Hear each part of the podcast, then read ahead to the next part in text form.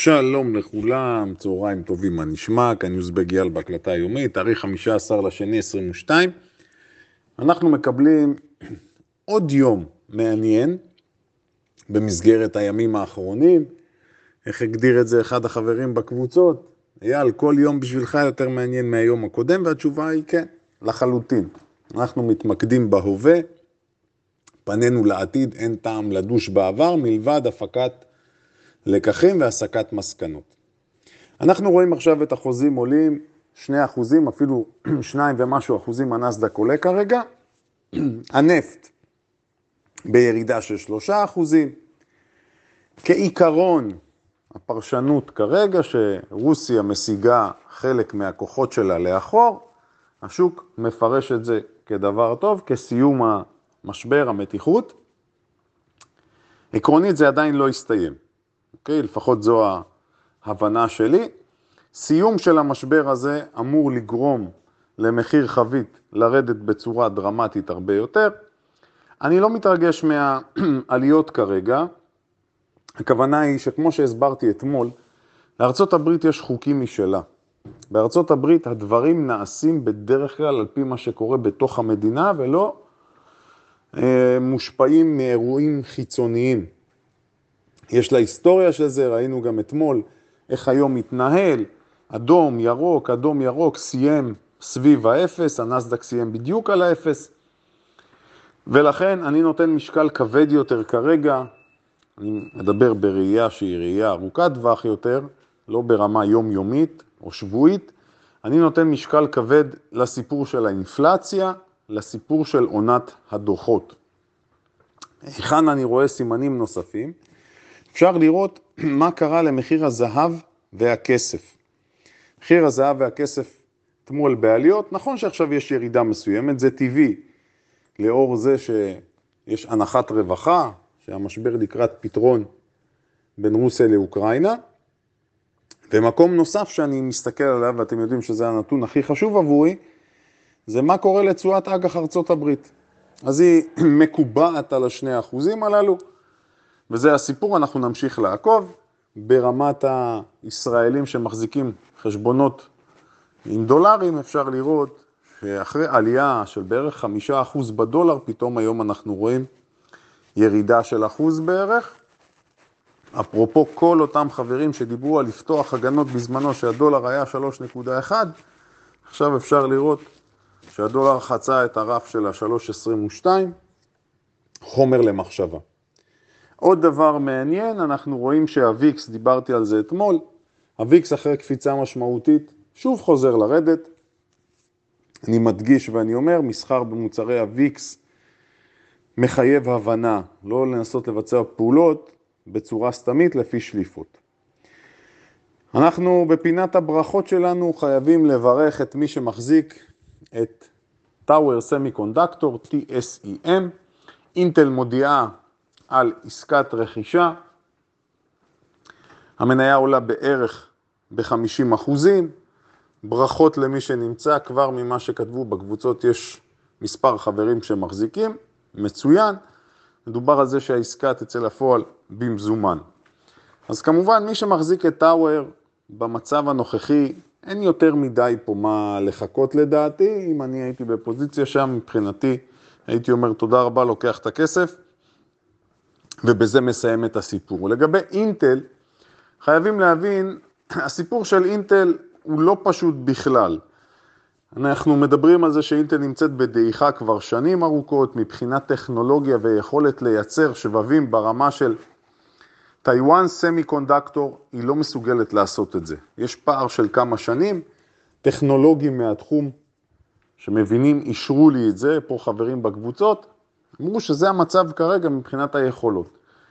אמרנו שאינטל מנסה לשנות פאזה, מנסה להצעיד את החברה קדימה, מנסה לצמצם את הפער, מתמקדת בהקמה של מפעלים נוספים לייצור שבבים, ומבחינת אינטל, רכישה של חמישה וחצי, שישה מיליארד, זה לא הדבר שיעשה את ההבדל המטורף פה.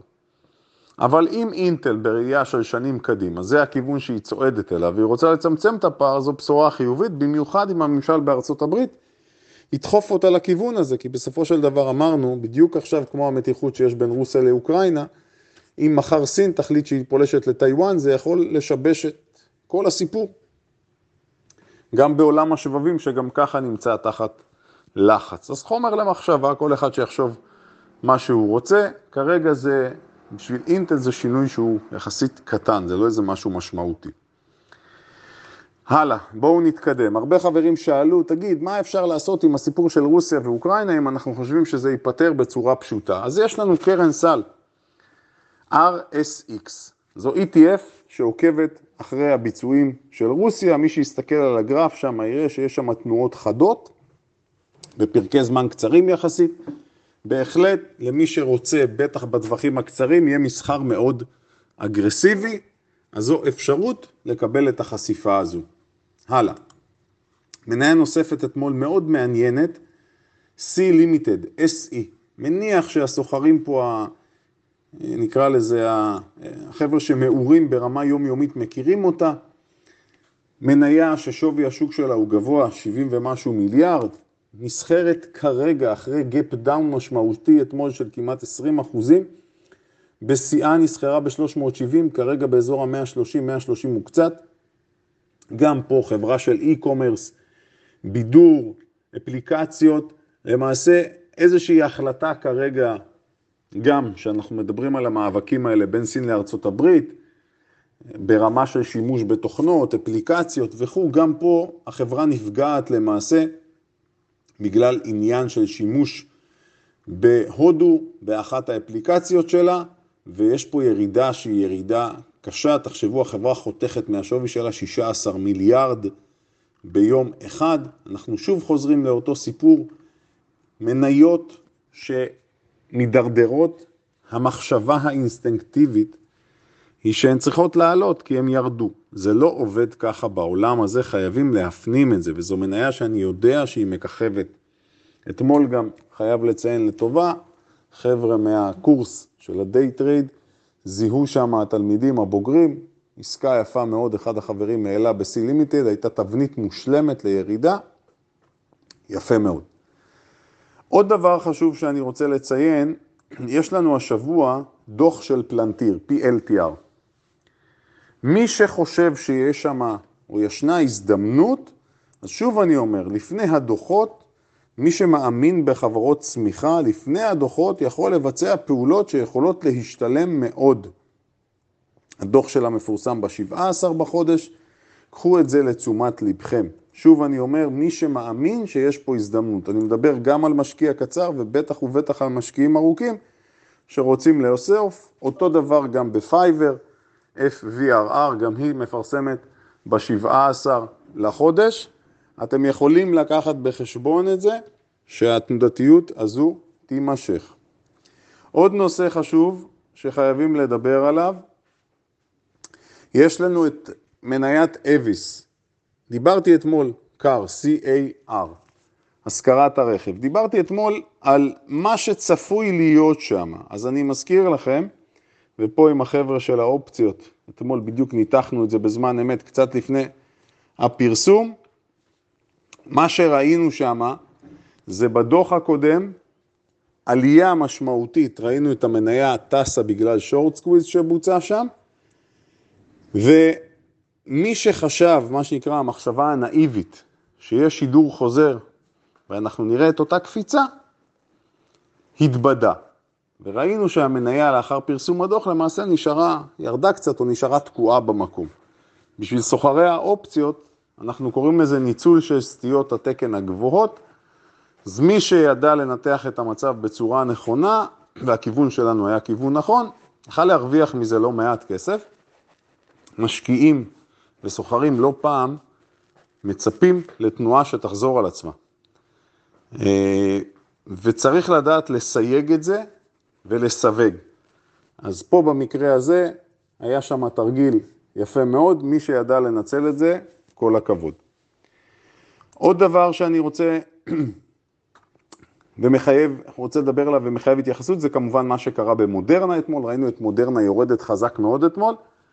יש שם איזושהי הקפאה, מי שקרא בחיסוני ילדים, בדיקות נוספות שרוצים לעשות, נדמה לי שזה היה חיסונים מגיל עד גיל 6, ובאופן כללי, אה, שוב עולה השאלה, שגם את השאלה הזו הצפנו, האם יש עתיד, האם אפשר לבנות למעשה על הסיפור של החיסונים נגד הקורונה? אני לא חושב שאפשר לבנות על זה יותר מדי, אני חייב לציין, אבל נראה לאן זה הולך. אז גם מודרנה נמצאת תחת התקפה משמעותית. שוב, הצרה של חברה מסוימת יכולה להיות ההזדמנות עבור הסוחר או המשקיע שיודע לנתח ולנצל את זה לטובתו, בין אם שורט, בין אם לונג. עוד דבר מאוד חשוב, שמדברים על שורטים ולונגים, אמרנו שבאופן כללי ההתייחסות שלנו לשורט שונה לחלוטין מהתייחסות ללונג בהיבט של ניהול סיכונים. זאת אומרת, כשאנחנו רוצים להיכנס לעסקת לונג זה פשוט יותר, כשאנחנו רוצים להיכנס לעסקת שורט, אסור לנו להיכנס מבלי להבין את ההשלכות. אחת התופעות שאני חושב שאנחנו נראה מתגברת בתקופה הזו זה נושא של רכישות, רכישות או מיזוגים סטייל אינטל שקונה עכשיו את טאוור. Uh, אז צריך לקחת בחשבון, אם רוצים להיכנס לשורט בחברות ששווי השוק שלהם נמוך, תמיד קיים סיכון שחברה אחרת תרכוש את אותה חברה, ולכן צריך לעשות את הדברים בצורה נכונה או לא לעשות בכלל. לגבי יום המסחר הנוכחי, תראו, כשאנחנו רואים עליות של שניים ומשהו אחוזים, קודם כל אני חייב לציין, זה משמח. אז מי שחשב איך הוא משפר עמדות, או אם הוא רוצה לשנות משהו, אז ביום כזה יש הזדמנות לתקן דברים. אה, אני מדבר פה גם הסוחרים הקצרים, גם הסוחרים לטווחים הארוכים יותר. אני שוב אומר, מבחינת איך התפתח היום, אנחנו לא יודעים. זה יכול להיות מאוד נזיל, היות והאירוע קרה מחוץ לשעות המסחר. אם אנחנו רוצים לצאת עם תובנות מסוימות, צריך לחכות לסוף היום ולראות האם נפחי המסחר יהיו גבוהים וכיצד יסתיים היום הזה. באופן כללי אנחנו נשארים תחת ההגדרה של choppy trading. זאת אומרת, המסחר ימשיך להיות תנודתי, זו הנחת המוצא שלנו, ואנחנו ממשיכים להתמקד בזה שאנחנו בעיצומה של עונת הדוחות. עוד נתון שקשור לאינפלציה שיכול להיות רלוונטי, לואי ויטון, החנות של מוצרי היוקרה, accessories, גם היא מודיעה על זה שהעלאות מחיר כאן איתנו. אז מבחינתי הסיפור של האינפלציה והריבית הרבה יותר חשוב ממה שקורה בסיפור בין אוקראינה לבין רוסיה. אמרתי ואני חוזר ואני אומר, אני כמובן מקווה שהסיפור שם ייגמר בצורה שקטה בלי נפגעים, אבל בכל מקרה עבורנו, בסופו של דבר, מה שיקבע זה העניינים האלה של המקרו. עוד דבר חשוב, אפשר לראות את התנועה שהייתה גם בביטקוין, ראינו את הקורלציה הזו, אנחנו רואים את הביטקוין, החוזים עולים, חוזים עתידיים, גם הביטקוין חוזר לעלות עכשיו. מעניין לראות כמה זמן זה יימשך הסיפור הזה. החבר'ה המשקיעים, ופה אני אתייחס לזה מחר, מחר אני אדבר למשקיעי הקריפטו בהיבט של הניתוח, שאם אנחנו מנסים להסתכל שנה, שנתיים, שלוש קדימה, מה יכול לתמוך בביטקוין עצמו, אני מדבר על הביטקוין ולא על כל עולם הקריפטו, אלא מה יכול לתמוך בביטקוין, אני אדבר על זה מחר.